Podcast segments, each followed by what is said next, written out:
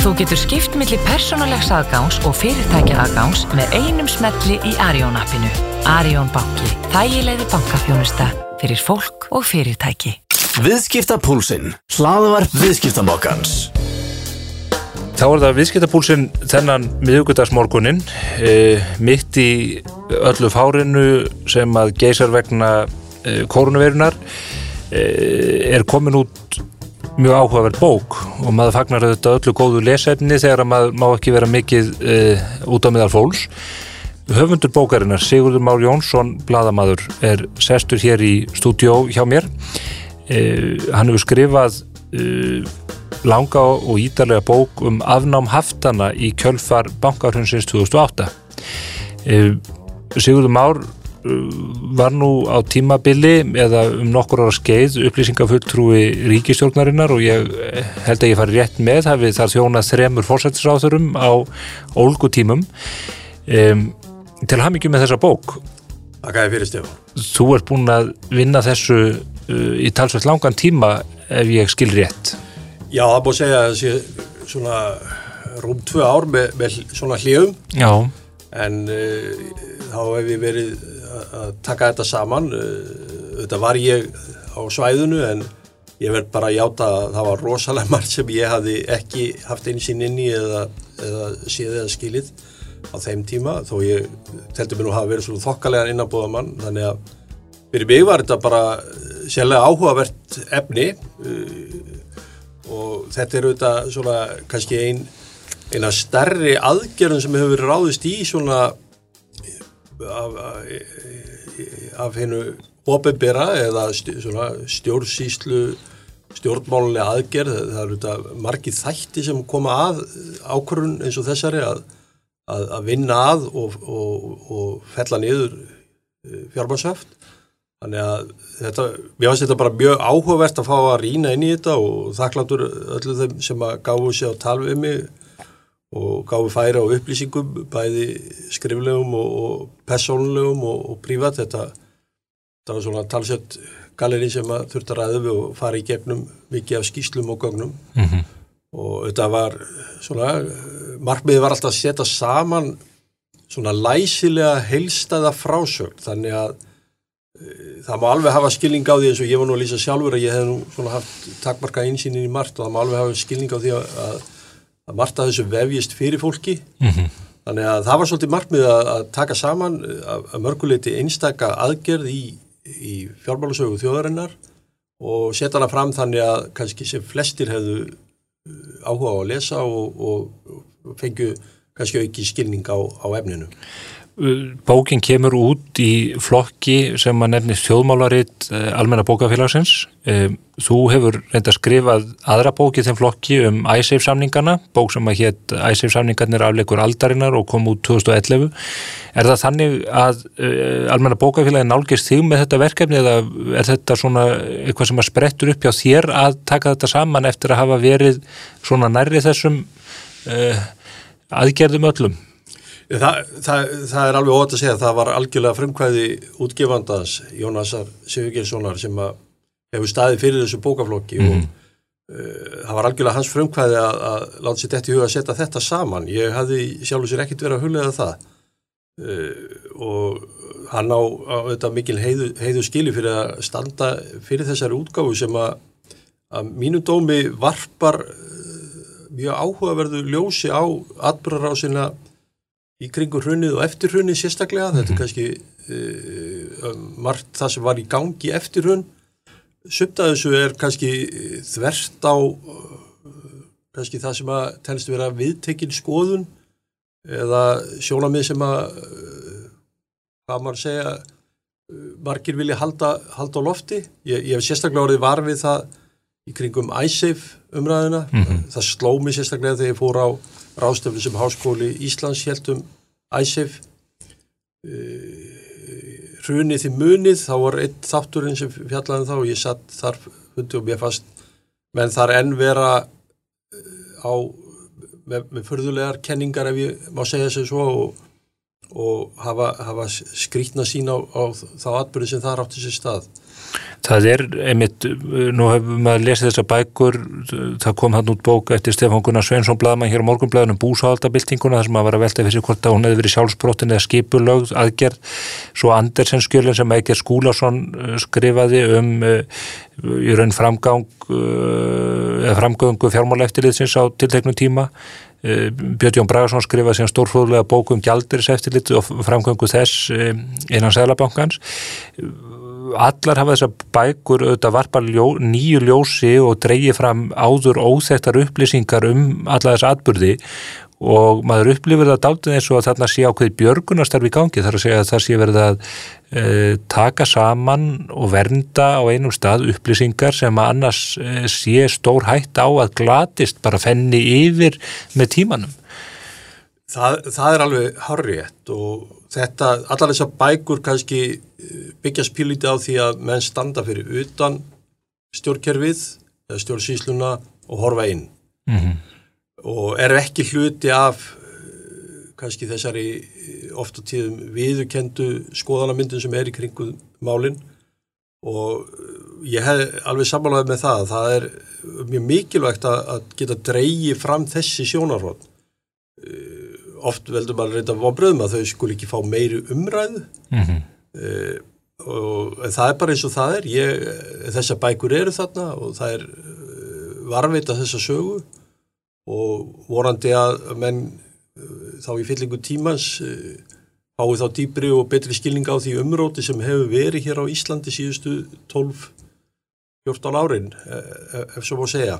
Og, og sér nú kannski ekki fyrir endan á að ég held að þetta sé, sé mjög mikilvæg sam, mikilvæga samantektir og, og muni skipta miklu máli mm -hmm.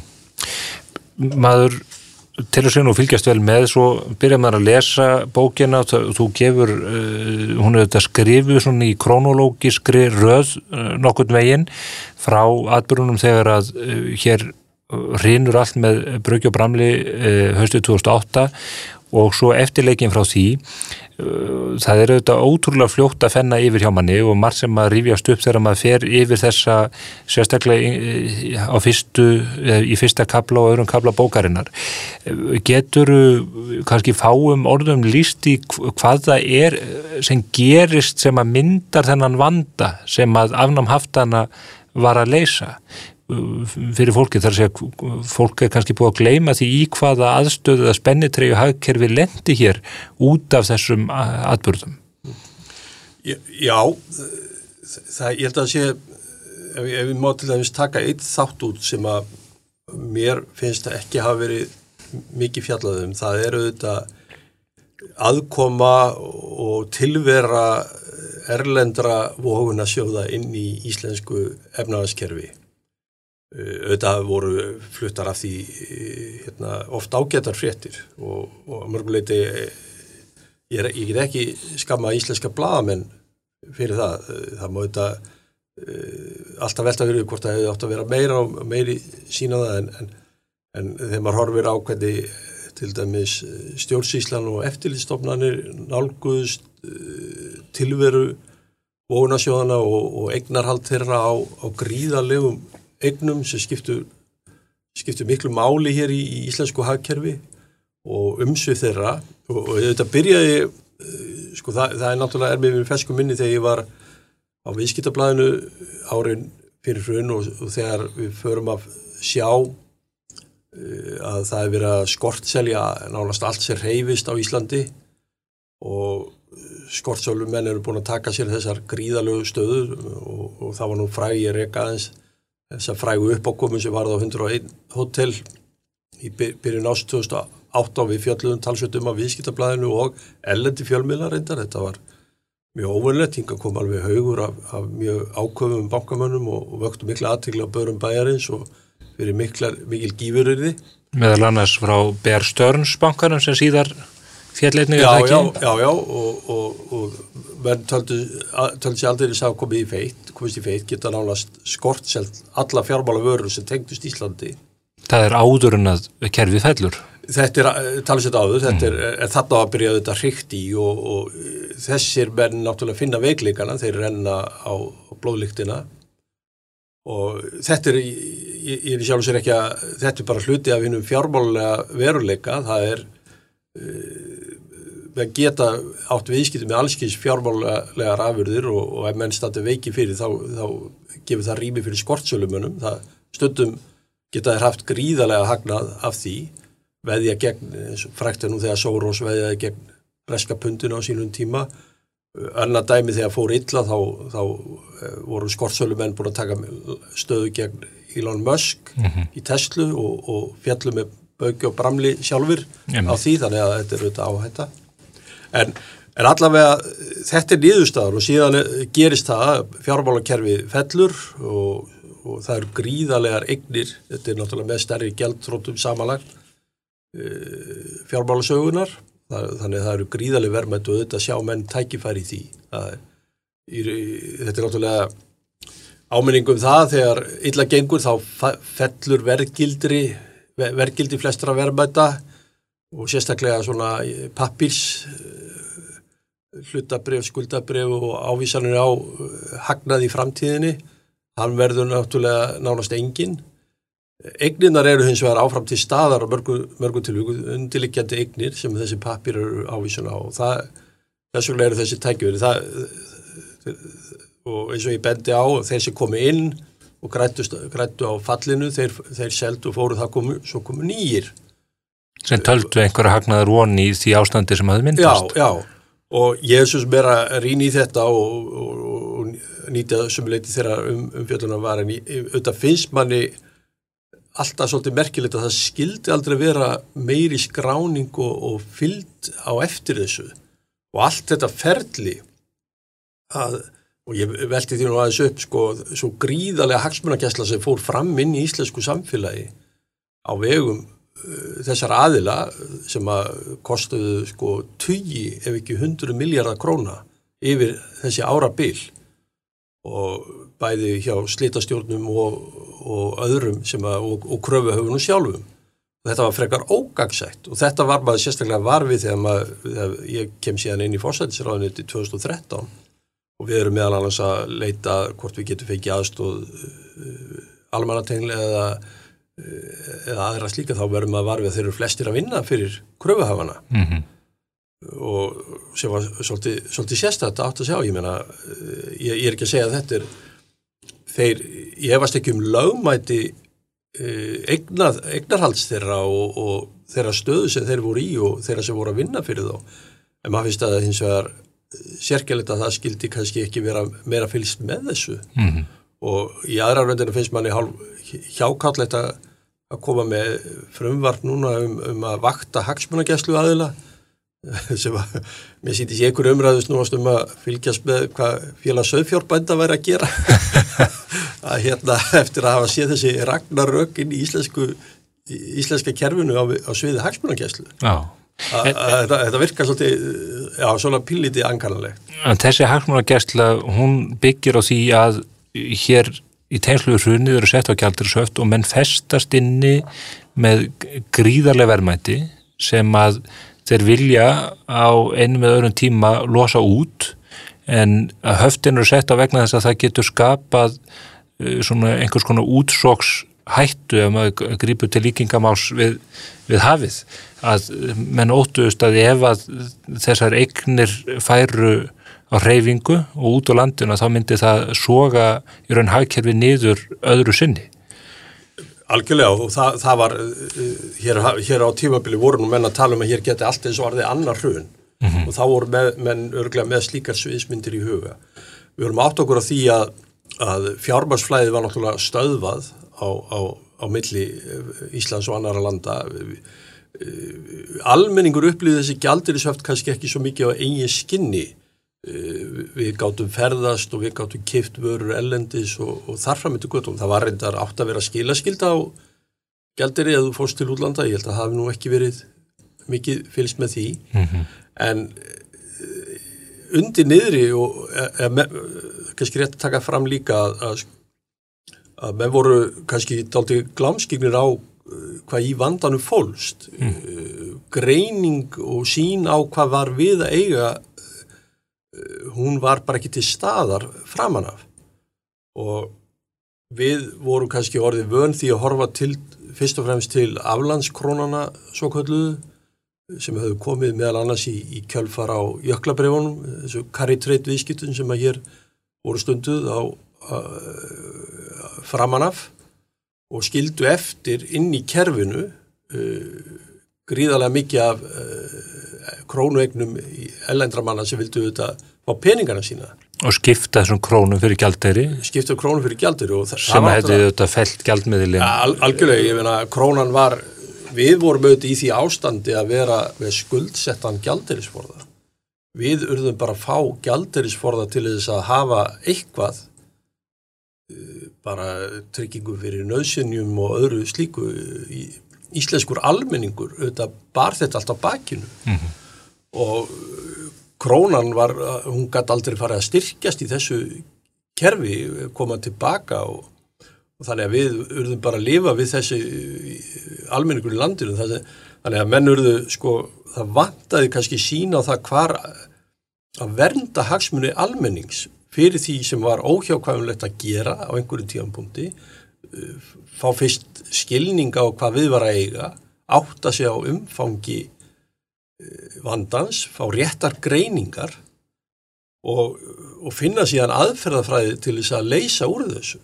En við vorum uh, með, með þetta inn í sko, eins og ég kalla á einhverju stað óarga dýr inn í fjármálakerfinu.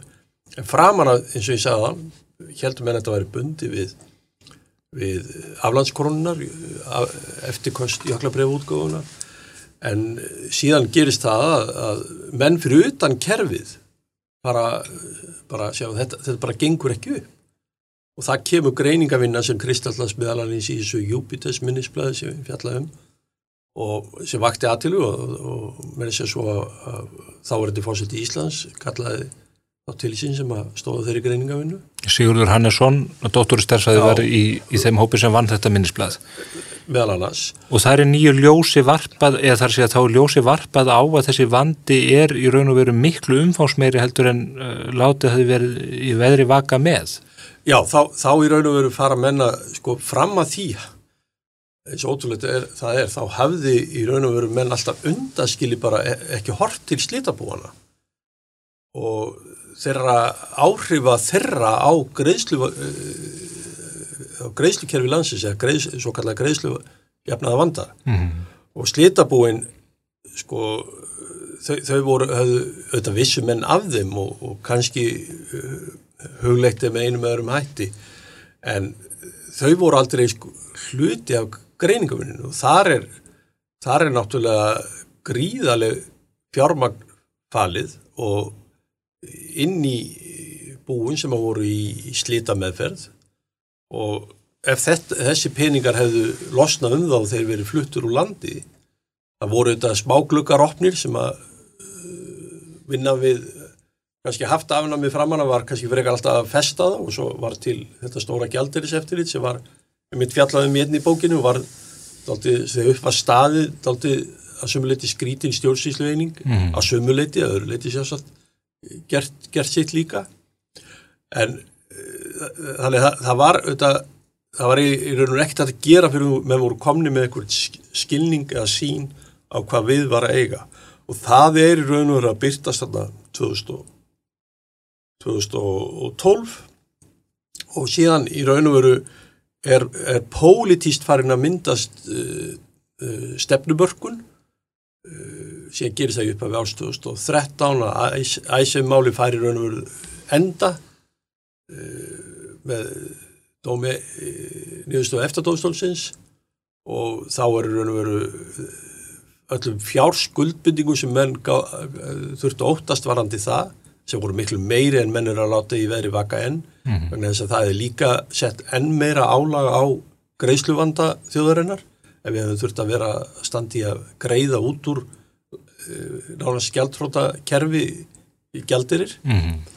við höfum náttúrulega alltaf gett að borga þessar kröfur í krónum ef við hefum kosið það en það var, það var ekki upp á borðinu þannig að það má segja að þarna í 2013 í aðdæranda kostingina þá, þá, þá fara, að myndast pólitískur, pólitísk sína á þessar hluti. Og umræðu þetta ke- kemst þá í, í fókus. Að því að virðist í bókinni þá virðist vera eins og að stjórn, ríkistjórn Jóhannu Sigurðardóttur hafi bara falið Sæðlabankanum, greiningavinn og úrlausnina og síðan bara uh, lokað eftir sér og í raun og verið ekki velt mikið vöngum yfir því hvað væri að gerast eða hvernig þess mál voru að þróast. En þú virðist líka varpa að ljósa á það uh, þegar þú nefnir þetta með þetta Júpiter minnisblad að það er eins og að Sæðlabankin hafi mjög lengi e, vannmeti vandan einni verið með svona rörsín á þessar aflandskrónu snjóhengjuna en í raun og veru bara ekki kveikt á eða viljað horfast í augu við vandan af slitabúunum. augljóslega eins og ég segði það að, að, að slitabúin voru í raun og veru fyrir utan alla sína á hvað þyrft að gera ef það kæmi að því að leysa höftin og það var náttúrulega og, og síðan var náttúrulega ymsi fleiri þættir menn náttúrulega ef, ef, fjármarsflutningar hefur gefið gefnir frjálsi þá náttúrulega líka fullt af aðilum hér innanlands sem hefur byrjað að sækja út og, og allt þetta leitt óhjákvæmilega til falls krónuna Mm.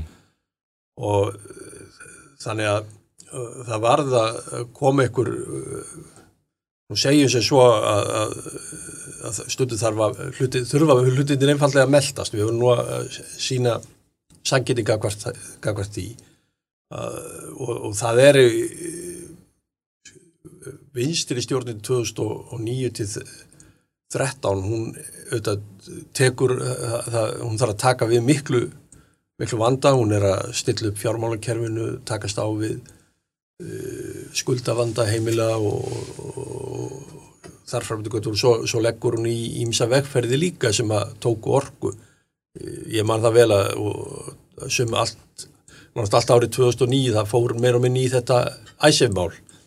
Þingi, sumarþingi gerði ekki annað en að ræða æsef og með voru að veltaði fyrir okkur hvað Ísli, við Íslinga getum lífa lengi á kartöflum Mm Þannig var umræðan, sko, ég, ég er ekki vissum að menn muni það í Nei. dag, en þannig var umræðan í þingjun á þeim tíma að, að, að frumkvæði stjórnarliða og eh, ég auðvitað reg það hvaða sín og hugmyndumenn höfðum afnám hafta fram til 2013 og í tíð vinsvistjórnarna þá, þá náttúrulega hennar aðal áherslu punktu var aðildar umsóknin að Evropasambandinu og allt, allt sem að maður heyrir og les frá stjórnarliðum á þeim tíma að virðast þeir treysta á að það muni gerast. á, á meðan hafi Sæðlabankin kannski þetta faglega forræði yfir málinu að, að skrifa skýslu ykkur einagerðir og, og ná utanum hvað við er eiga en, en póliti stefnumótun stýri fyrst og fremst að Európusamöndin með, með aðildin mundi síðan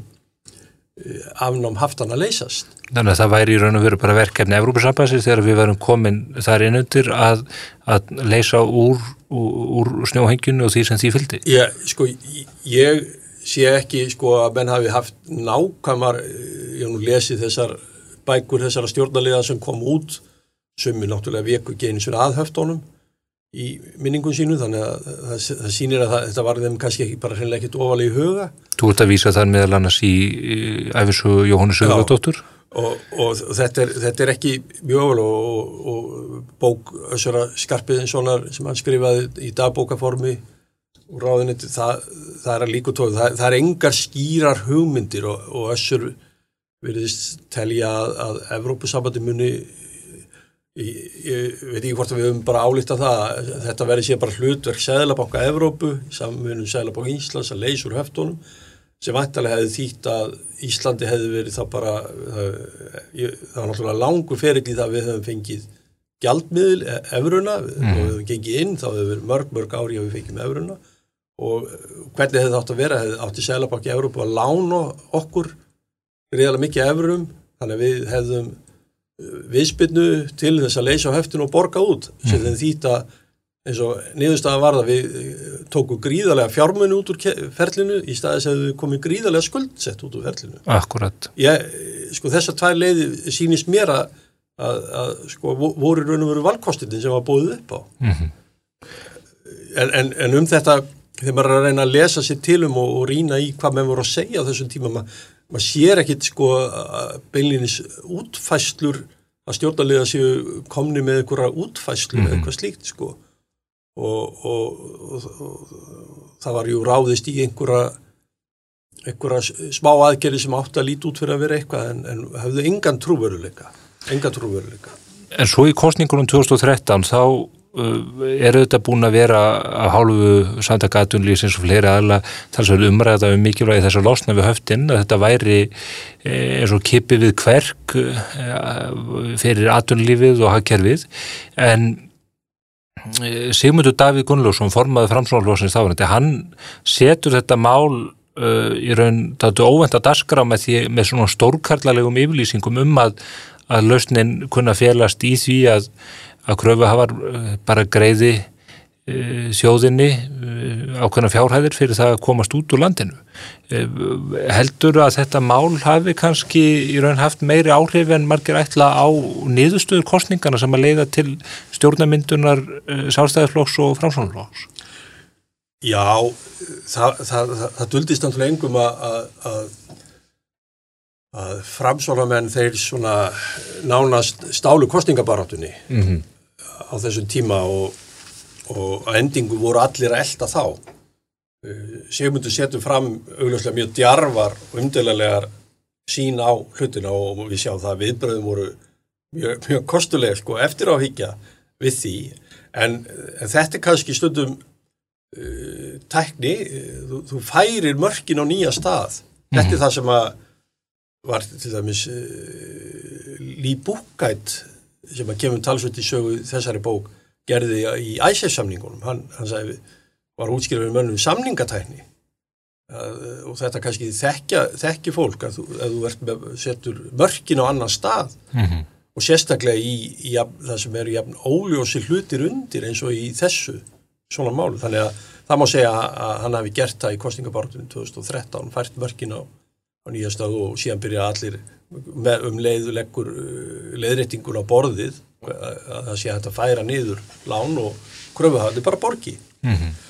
og það var auðvitað og síðan byrjum við bara nánast allir að elda og við munum jáfnvel að sko sem við vorum fartir að segja að þetta voru alltaf okkar tilugur uh, í restina sko þegar, voru, þegar við blasti að framsvonarflokkur var að fara að vinna mikinn kostingasífum og það kemur út úr þeim kostingum að, framsókn vinnur mikinn mikil kostingasjóð, það mesta í 40 ár.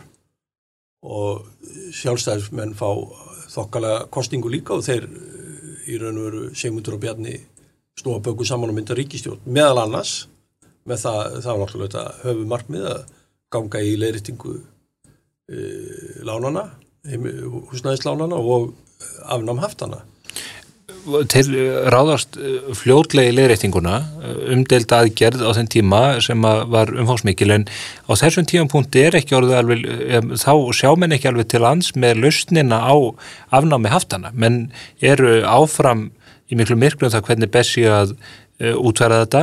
Og það er greinlega mikil tókstreita innan kervisins uh, milli stjórnmálamannana og sæðlabankans og ráðuneitana og, og síðan einhverja svona aðla sem að standa beinleins utan kervisins og eru að, að reyna að, að koma sínu sjónamiðum á framfæri. Já það er alveg rétt, ég, ég er að reyna að rekja þessa mismunandi aðla sem voru fengnir. Nýðustafan verður að sækja utan að komandi aðla til þess að, að fast við þetta. Það eru þetta eh, talsverð auðrum við stjórnsýsluna og, og kerfi sem að eh, er, er, er ekkit alltaf tilbúin að skrifa upp á slík, slíka aðgerðir og það getur alveg alls konar stjórnsýslulega tókstæritur um umbóð og, og, og hvernig menn koma að málum. Eh, og í sumuleiti verður þetta þessi hefbundna tókstærita sem að menn vilja kannski mismikið ræð um milli e, pólitíska vals þeirra sem sækja umbóðsinn til almennings og þeirra sem eru hinn faglega ennbættistjett sem að er þegar koma til valda og er áfram þegar fara frá völdum er sér alltaf til staðar. Og uh, það verður auðvitað grassera kannski svolítið allan tíman að mennur að takast á um forræði og sín og stefnu í þessum málum. Og það er ekki þannig að það var eitt að hafa upplýsingarnar á hreinu hvað, hver, hver ná að skilgreina hvað var við að eiga hver, vandin, hver stór vandin væri. Annað að, að hafa umbóð mynduleika til þess að ráðast í aðgerðir. Og svo í þriðalagi að koma upp með aðgerðarplan mm. áallunum hvernig ætti að gera þetta. Og, og síðan hinum eginu borðið er staðista hagsmunagæslu veldi sem við höfum síðan á Íslandi. Sem eru fulltrú á vonasjóðana sem eru fulltrú á vonasjóðana gríðilega stóra lögmannstofur endurskona fyrirtæki, almantenglar já, já, sem að löpuð inn og út um allt hér á Íslandi. Já. við sjáum það og, og það er það, það blasir við að, að, hérna, að við, við höfum aldrei séð svona svona aðfarir áður. Þetta, við vorum einstaka stöðu hér, hér voru gríðarlega mikla regnir sem að uh, kröfuhafandir hefðu kipt sér inn í og þeir vildu komast í þessar regnir sínar uh, fyrir stóð einhvers konar lítið fullveldi mm. sem að var að reyna að halda, halda sjó gegn þessu með, með sínu sínu lag, laga umgjörð, sínu pólitíska valdi og þeim stóðum sem að halda utan um íslenska fullveldi mm -hmm. Og auðvitað verða á meðan menn hafi ekki beilinis það er engin handbók til um þetta. Það, menn voru stöðut í samband við alþjóða gjaldirisjóðin hann fyrir það fyrst að hann þurft að samþykja hér væru þessi höfn sem var ekkit í dag nú hefur nú hefur hann breytt og ég held að það hefur komið fram í bók fyrirvændi selabankastjóra eh, sem að koma út hérna ekki fyrir lungu síðan að, að, að Ísland hafi breytt talsveld alþjóða gældilisjónum mm -hmm. og það er alveg rétt. Menn horfa á krísu sem þessa öðrum augum og endingu svo ég fær fljóttur sögum þá, þá var, kom laust sem að menn töldu einstaka mörgur leiti og eru þetta hluti að bara vopnabúri alþjóðagjaldinni sjósins í dag. Þegar það þarf að grípa til annar ráðstalfi, ég veit ekki hvernig þetta fer eins og ástandi núna, ég sá að 90 lönd eru búin að leita til alþjóðagjaldinni sjósins og 60 til alþjóðabankars mm -hmm. og, og það, þegar þú fer til alþjóðagjaldinni sjósins þá ertu þá ertu í vonum pl um plan og áallun og þú hefur eitthvað en þegar þú veit til alþjóða banka þá ertu bara að fá styrk. Já, það voru ekkert eftir. Þá, þá er, já, sem betur verið nú Ísland eh, í hvoruðu þessu ferli núna. Við hefum notið þessara ágættu stofnuna í gegnum tíðina, í gegnum tíðina. En uh, þú uh, þú segir að, að menn komið upp með þetta plan sem að síðan á lókun gengur upp. Það er fyrir í raun og veru þenn, þennan hóp utan stjórnkerfisins sem að móta þessar hugmyndir. Og það er bæði hópur Íslendinga en síðan kallaðir til liðs við sig eh, gríðalegt hungavíkta fólk úr uh, þessum geira þar sem bæði prófessora og lögfræðinga og fjármálafólk sem að kunni mjög vel til verka uh, í viðfánsefnum sem að voru í ætt við þetta viðfánsefnum mætti segja þetta fólk er hins vegar að þér virðist, manni sínist þetta aldrei rauðu þráður í bókinni í, í raun og veru stanslösu stappi við sérstaklega Sælabanka Íslands um viðfánsefnið og aðferðafræði. Er, og jafnvel eins og að ofta á tíðum hafi Sælabankin bara tekið ákvörðum að spila bara sóluleik þegar að búið var að ákveða einhverja strategíu í að reyna að leysa málið að þá allt í hennu uppgötta að menna sælabankin er á einhverju allt annari vegferð. Á, á sömu má hafa skilning. E, e, stjórnsíslan og, og embættismenn þurfa auðvitað, þeir þurfa að fara eftir lögum þeir, e, ég vil ekki segja það, það gera það allir í þessu en, en þeir hafa kannski stífari og formleri umgjörð utanum það sem þeir eru að gera. Og eins og ég sagði áðan, það er kannski þetta nýja brum að leita lustnana út fyrir. Eins og, eins og var að hluta til niðurstaðan í, í æsef-málinu á setnistegum þegar var verið að halda. Ég held að það hafi verið mikilvægt á þeim tíma við Íslandinga síndu það við vildum semja. Mm -hmm. þó við værum ekki að fara að ganga afarkostum eins og, eins og fyrstu samningar bentu til. Það var mikilvægt að halda áfram að semja og þá fenguð fengu fagmenn og þá kemur lí búkæta borðinu og í, í þessu í, sko alla jafna er á, á borði fólks í stjórnsýslinu og embættismanna er mikið af verkefnum lögbundu verkefnum, það, það er mikið í gangi. Við sjá, við vitum það alveg þessa dagana er mikið í, að gerast víða í stjórnsýslunni. Kannski annar staðar er, er kannski minna að gera. Það er kannski í stundu gallin að stjórnsýslan fær ekki rísorsana yfir á álaspunktana þar sem þeirra er þörf og það hefur nú verið held ég einhver tilheng til þess að gera það núna. Vantar sveigjanleikan að vanta sveigjanleikan, dýnamíkina og, og að færa fólk þanga í framlýnum það sem mest er þörf á hverjum tíma. Þetta gerist, þetta sást í hruninu á sínum tíma og, og ég ger ráð fyrir að einhver leiti sjá það núna. Ég, ég veit að, að sumir vinna myrkran á milli núna mm. í, í stjórnsýslinni meðan að það er kannski óbreytt ástand hjá öðrum en þessi aðferðafræði að, að fara út fyrir og fá lausnir kannski aðeins sem horfðu öðruvísi bara á hlutina. Það, það skiptir gríðarlega miklu máli. Fá nýja sín og, og, og þetta, var ekki, þetta var ekki alveg sko nögralöst ferli, það, það voru settir upp í ymsir hópar og þekkingin var til smá saman. Mm -hmm. ákvað til í raun og veru eftir áramótin 2014-15 að þá verður til uh, svona hinn endalegi hópur sem að tekur og klárar aðferðafræðina mm -hmm. og, og að, undir, undir lúrði alltaf það pólitíska um þessi hópur hafði raunar hann hafði engin erindisbref formleg, uh, hann hafði bara vann í krafti hins pólitíska umbóð sem pólitísk kjörni fulltur og gáttu veittum á þessum tíma. Og, og ég held að sé ég tel að, að þetta hafi reyðið sérlega farsælt að, að gera þetta með þessum hætti. Og skipti miklu máli að gera þetta með þessu hætti. Og það er á öllum tímum ég er stjórnsíslan og, og er, er alltaf að kaupa ráðgjáða þjónustu, það, það vantar ekki en að, en að hleypa því beilinis inn í ákvarðanatökuferlin, það er það er síður. Það er annar mál. Já og, og, og endur það vand með farið en, en að endingu er, er ábyrðin hjá þínum pólitíska valdi við horfum á, á þrýeiki sem hefur haft ákveðin völd hér undanfarið valdsvið sóttvarnalaga er talsett mikið en þau starfaðu þetta í umbúðu ríkstjórnarinnar og, og þanga sækjaðu sitt umbúð til sína ákvarðana.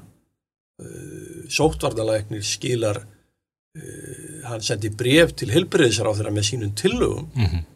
og hún kvitta síðan upp á það eftir aðtvikum en ábyrðin líkur þar. Og það, það var auðvitað í þessu tilviki ábyrðin á aðgerðunum lág hjá ríkistjórninni og skipti máli að hún var í samnefnd í þessu. En bara, en bara eitt dæmi til að skýra svona þessa spurningu frekar er, er það þegar að þeir byrja að takast af fullri hörku á við kröfuhafana og er að reyna að fá niðurstöð í máli þá hótaðir stöðuleika skattinum sem átti að þurka upp uh, verulegan hluta eigna búana ef að menn myndi ekki ganga að uh, þeim uh, svona kostum sem voru upp á borðinu.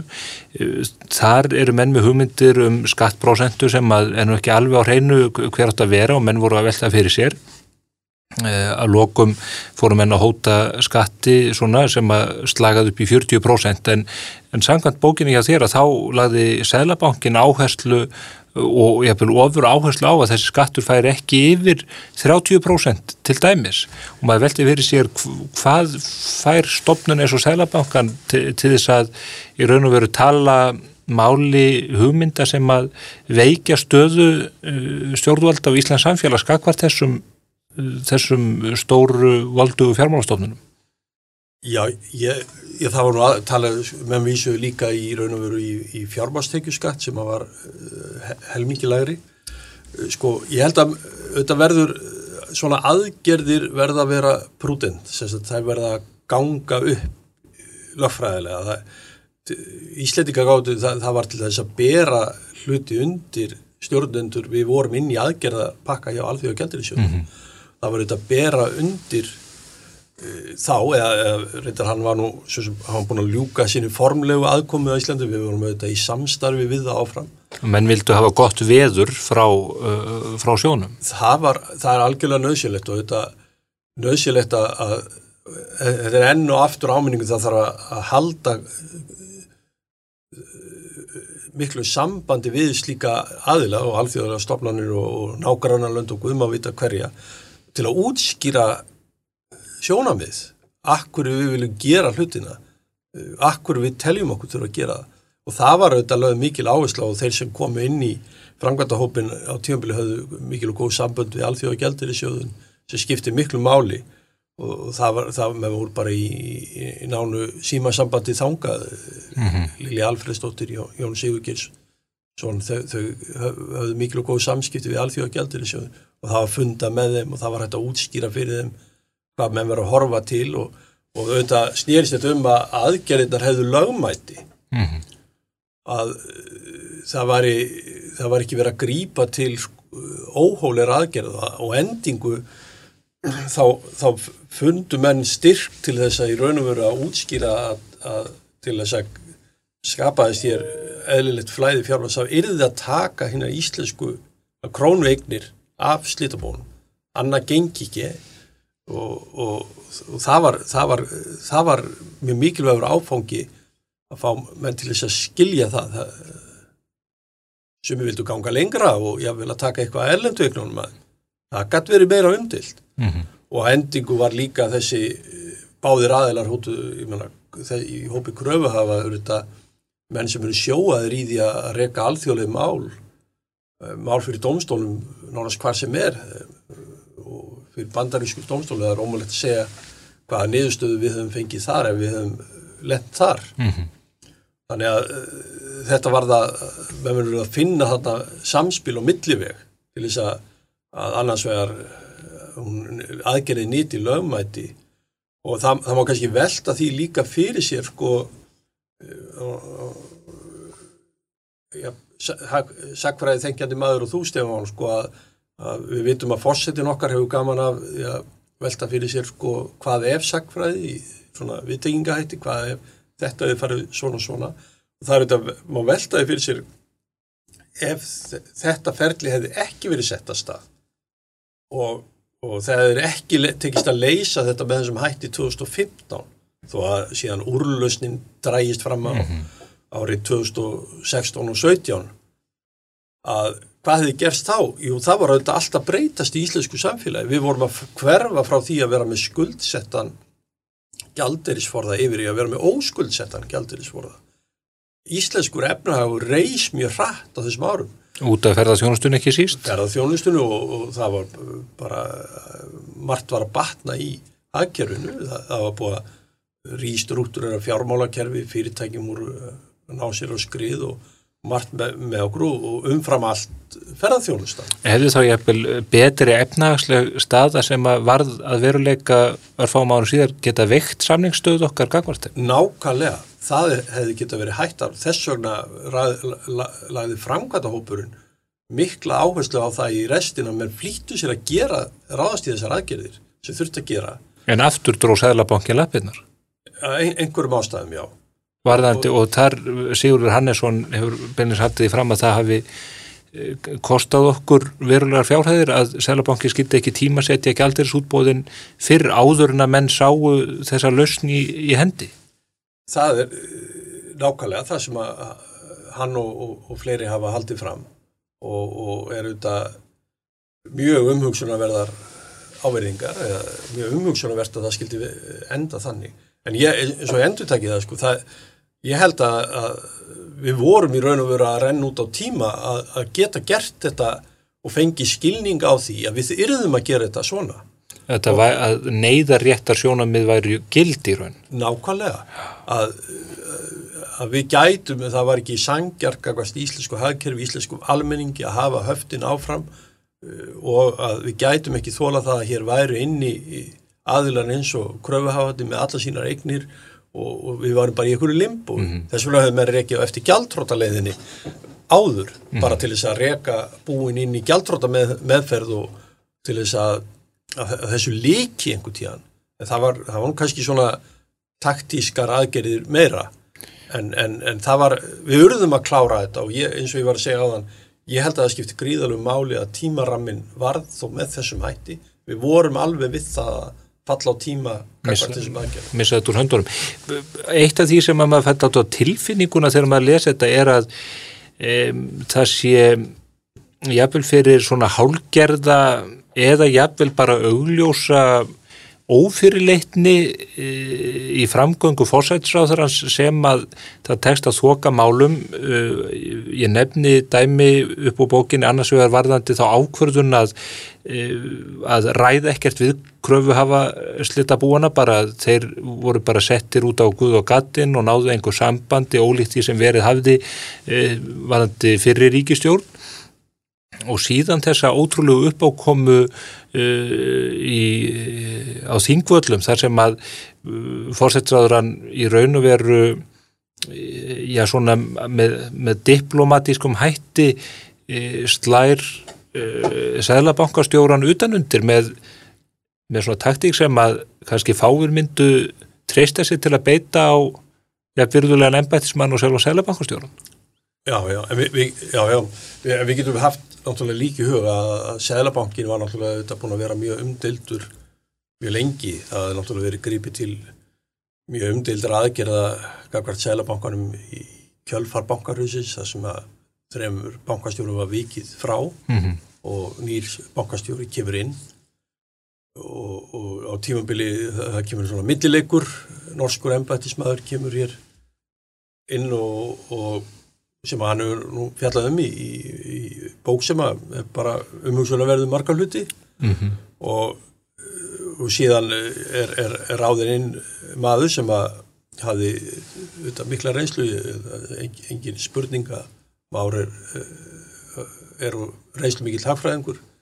Ég er alltaf sérlega gaman að ég að lusta á erindi hans á aðalfundi Sælabankans að hann, hann hérna flutti þar yðurlega skemmtilegar og áhugaverðar ræður en það voru þetta sterk og anstæð sjónamið um hvernig ætti að ganga hver hefði í raun forræðið á málinu. Og það er alveg rétt að, að fórsætti sér á þeirra sem þú Davíð hann, hann beitti sér með þessum hætti til þess að ná tökum á atbyrðarásinni til þess að, að koma fram pólitísku vilja ríkistjónar hans í þessu máli sem var ekki alveg sjálfgefið að væri gert Heldur að honum hafi tekist með, í raun með því að niðurlæga sælabankastjóran að koma honum á, á sinn stað einhvern veginn að reka hann í réttirnar með þessari svona óvendu framgöngu? Ég treysti mér ekki til að leggja mat á það. Ég, ég nú segi náttúrulega bara, ég bara hún var sakfræðingur og blaðmaður í þessu máli bara atbyrðar á sinna og, og, og segi frá að það, það er kannski annar að meta það meira. En, en það var sannlega og eins og bókin bendir held ég allir ítalega á gríðarlega mörg sjónamið uppi. Þetta var ekki, þetta var ekki einfalt að ráðast í þetta. Það var gríðarlegir hagsmunir í húfi fyrir almenning og þeir sem að eru kjörnir á almenningi og lúta aga valdi kjósandans þeir hljóta alltaf að hafa öðruvísi og, og dýnamískara umboð heldur þeir sem að fara að sitja. Mm -hmm. og það finnst mér eða, eða mætti vera einhver svona stærri stærri hugsun í, í því sem ég er að velta fyrir mér í bókinni sko, þá er það þá er það kannski þetta samspil.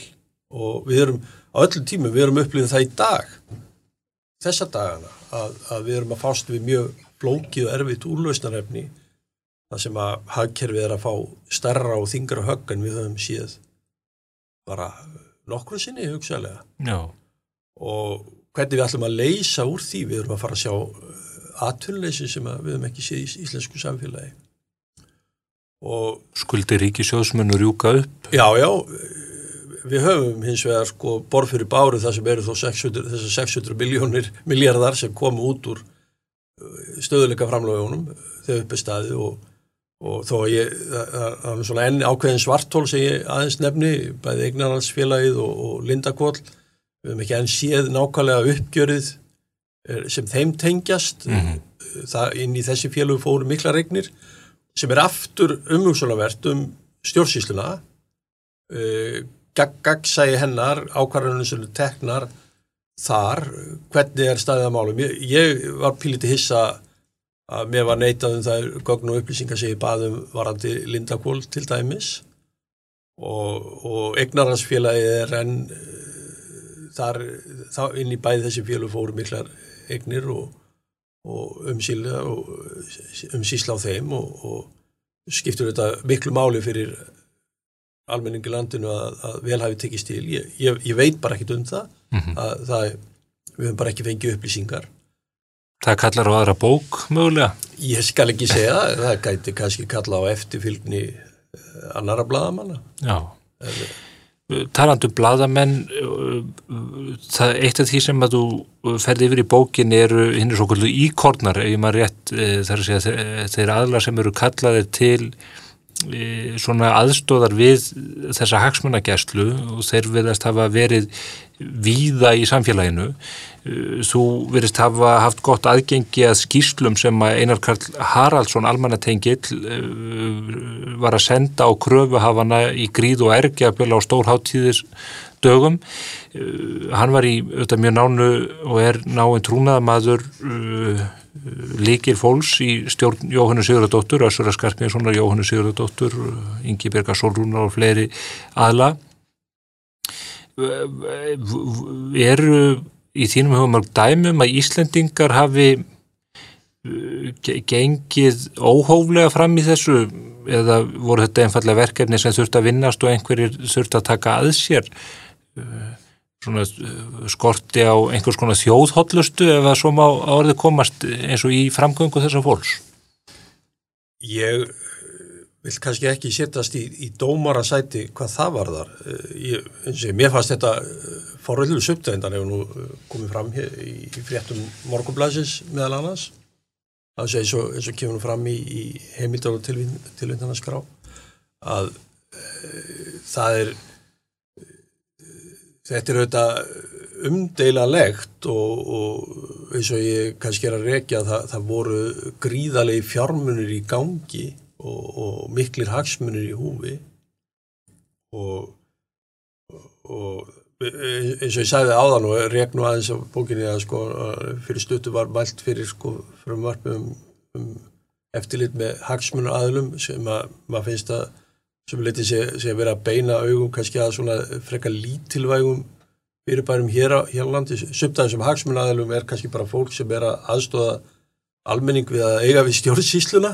Að, að það er ekki að horfa til þess líka að stjórnsýslan er lokuð og, og af og, og sömur hafa bara ekki reynslut eða getur til að koma sínu sjónamið Þa, það má alveg horfa til slíkara sjónamiða líka að, að, að þetta er ekki bara hægt að skrifa einhvern hagsmunugæslu frumvarp og bara útiloka að, að það sé gert en í, í, eins og er í þessu ljósi þá, þá, þá voru náttúrulega umsvið og, og fjármunni sem við höfum ekki séð áður og munum líklega aldrei sjá aftur mm. í, í húfi í þessu og þetta er eh, í öllum þjóðlöndum það, eh, svo ég takir aðeins áfram upp þessa hagsmunarkjæslu skráningu að, að, að til dæmis Evrópusambandi kaus að setja upp sérstaklega skrifstofu hér á landi sem var, var þetta umdeilt eh, til þess að meðan við vorum í þessu umsólaferli og, og það hefur engin, auðvitað var hún henni var að, eh, beint að því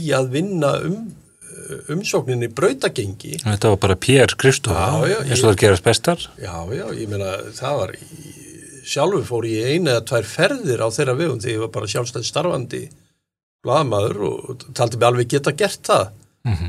en ég vissi alveg hvað klukkan sló Mhm. og hérna bara rétt eins og hérna frægu NATO-ferðir á sinni tíma nákvæmlega, ég meina eh, það má alveg týna það til við fórum til Brussel og fengum uh, hlustuðum á, á hérna Guðspjöllin sko og fínar ferðir já, já, alltaf í góðum hópum og, og, og, og vel gert en, en maður var ekkit bláegður yfir hvað, hvað var í gangi. Hvert markmiðið var? Mar hvert markmið var og, og sama var eh, með eins og segi þessa skrifstofu sem var hér sem að fóru miklu peningar út úr henni á þessum tíma líka ég, eh, þannig að svo endaði mér þess að svolítið kostulegt að vera allt í nú stattir hér árið 2020 og ætla að fara að takast á við hagsmunargæslu fyrir að söðfjárbænda sko. hérna, þeir eru búin að fylgjast með þessu og, það, og þá var enginn með augað á boltanum í, í þeirri, þeirri meðöndlu. Voru fjölmiðlar meðverkir, náðu þessir aðlar eirum fjölmiðlana einhverju leiti, var, var samúð með uh, uh, málstað þessara kröfu hafa, þessara hrækama uh, hér á landi? Ég, auðvitað, fjölmiðlar eru náttúrulega bara hluti af samfélaginu og, og, ég tel að góði bladamenn og góði fjölmjölamenn eigi að tala við sér flesta mm -hmm. Þeir, það er síðan þeirra veg og meta hvað, hvað kemur til þeirra. Ég er auðvitað mjö, nota mjög mikið af efni fjölmiðlana uh, sömuleyti hefði þeir mátt fjalla meira um þetta og kannski, ég ætla ekki að leggja mata á hvort þeir eru að fjalla öðruvísi um það.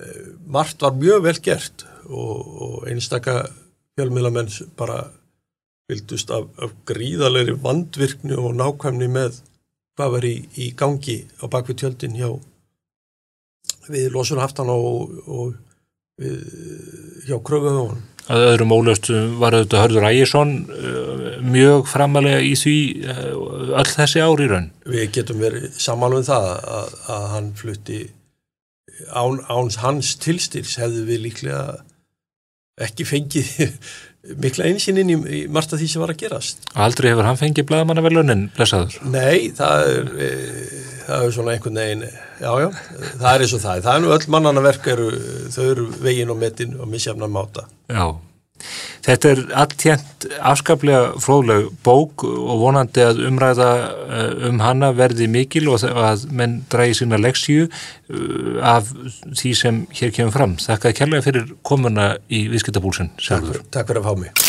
Viðskiptabúlsinn, hlaðvarp viðskiptamokkans.